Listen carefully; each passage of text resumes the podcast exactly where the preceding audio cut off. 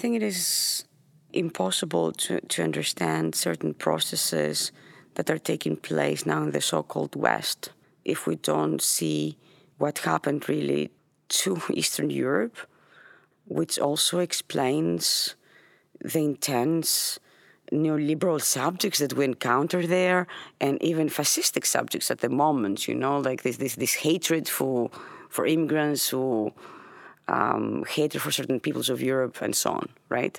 So there's a reason that this a transition, this adjustment that was required on the part of the people, of Eastern European people, uh, when they emerged out of uh, this horrendous Stalinist experience, right? I'm not even going to call it Soviet because uh, that has a longer history. Um, I think that this was a completely traumatic moment and unlike some Eastern European historians, I would say that the transition process has not ceased to exist. It wasn't just the 90s and a little bit after when we have it.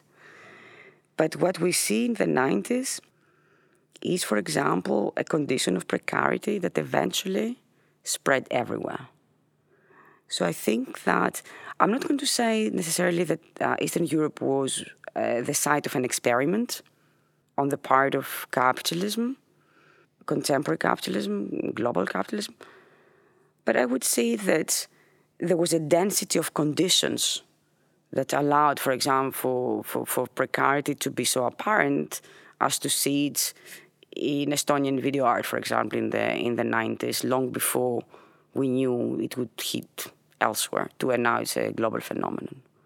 Europe is a strange continent with incredible diversity and little hatreds and um, always nationalism becoming a kind of vehicle for uh, for progress, for opposition, and so on. And it seems to me like um, a history that never learns from from its past. And I don't think that the former Eastern Europe is learning from its past. Well, the Western certainly doesn't. So that's besides the the point to even uh, look at it. For example, Marina Gržinić, do you know this Eastern European philosopher? She's incredibly vocal, but one of the things that she has been saying is that Eastern Europe is a piece of shit. In these words, you can read in their text, and when you hear this, you get tired about all this like uh, self, uh, you know, belittling attitude. But when you go there, because I work in Eastern Europe a lot, and and you actually see what these people are, have gone through, it's yeah, of course, and what they have gone through in terms of discrimination. For example, we have the so-called inter-European mobility reports, meaning think tanks generate these studies that tell us how ideally uh, inter-European mobility should be, right? I was looking into this when I was trying to understand the profile of the contemporary immigrant uh, in the European Union. And there is a ranking of like that goes somehow like this: uh, Southern European first, and there is ranking in there: Spanish first, Italians, Greeks, and then actually in another part of the sentence you see, and then finally Eastern European people. And it's not one report it's several reports that they say we want this particular kind of like uh, skilled labor and we, we prefer this nationality. Why? Because there is this perception that uh, it does better within the terrain of skilled labor. And you start asking yourself, okay, so I'm from Eastern Europe and I read this report. I read the skilled labor. What would I think? I, I think that the production of subjectivity right there and then it's a shock. And uh, all of us who uh, woke up as a Gregor Samsa, you know, from as a cockroach basically, one fine morning uh, in Europe, we are perfectly aware of what this destructive mania of capital for diverse kinds of labor and how we can manipulate nationalities to get this or that labor, what it does to people. I think it kills them it creates uh, probably not probably definitely like waves of depression and my advice to to young people because my generation sleepwalked into this condition we created in the 90s this this condition We went to study and then we stayed for 25 years in the place where we went to study, right? Is not migrate, not in Europe. Like, do other things because we're not so poor in this continent in relation to other continents. We, we can uh, totally practice a politics that actually reclaims the productive capacities of where we have, let's say, right of land and invite, you know, not invite and create more complex societies in that context. But this mobility of labor, we can see what it has produced. And I know it's a, a big taboo to to be against, uh, and I'm not against, obviously, you know, free movements of, of people, on the contrary. But we're talking about labor mobility because all free movement of people is labor mobility the distinction between the refugees and immigrants, which is so popular uh, nowadays, yeah, it is valid because some people are fleeing war and conditions beyond beyond imagining, or not beyond imagining, because we had the Holocaust. But um, at the end of the day, of course, these people are going to be part of the economy. That's what they're, That's why they're being welcome, symbolically welcome with uh, salaries of uh, one euro in some German towns. And we have the OECD report, the most recent one, which I read uh, in The Guardian just last year. I'm not sure I remember the, the figure correctly, but I think Europe needs, we're an aging society, and we need to import millions of people as uh, labor, you know. If this is labor immigrants, basically, and America as well. I'm talking about 30 million the numbers are huge. And these people, yeah, they carry they, they carry other things like their cultural whatever, makeup and so on. I, I think that um, first of all, numbers are not necessarily bad.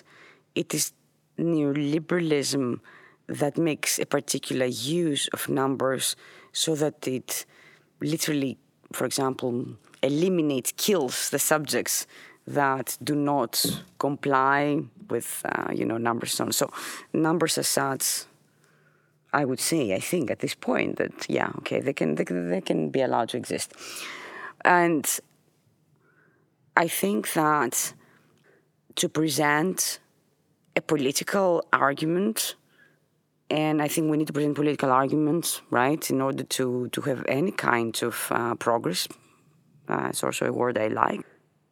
We need to understand where we're at. So when, for let's take feminism, right? Uh, women artists. I don't think we know how many women artists we've got. I don't think we have national data anywhere that says we suspect that we have more female graduates. We don't know how many of them carry on or how many of them actually get married or equivalent and do something else. Until we understand that, and this is just an example, how are we going to understand what we call even feminization of labor and where it comes from? How are we going to understand what kind of uh, welfare state we would want to have if we want to have it? How are we going to, ch- to change things? Yeah, we often say we, want to change things. Yes, but into what? If you don't know what kind of subjects you talk about. So I think that uh, for example, in relation to feminism, yes, I'm in favor at the moment. I think it's historically necessary that we do our maths and we come up with our statistics and we look at things that were never looked before and we present to our governing elites a specific uh, argument. Yeah, this is this is the situation. If you're interested in social justice, let's do something. The problem is, and this was pointed out to me by a friend and colleague, uh, that they don't care about social justice. That you can go there with all the data of the world and uh, they will not say, yes, yes, you're right. There is discrimination and your figures prove it. No, they're not going to say that. Uh, they're going to say, yes, you're right, but we will carry on doing the same because we can.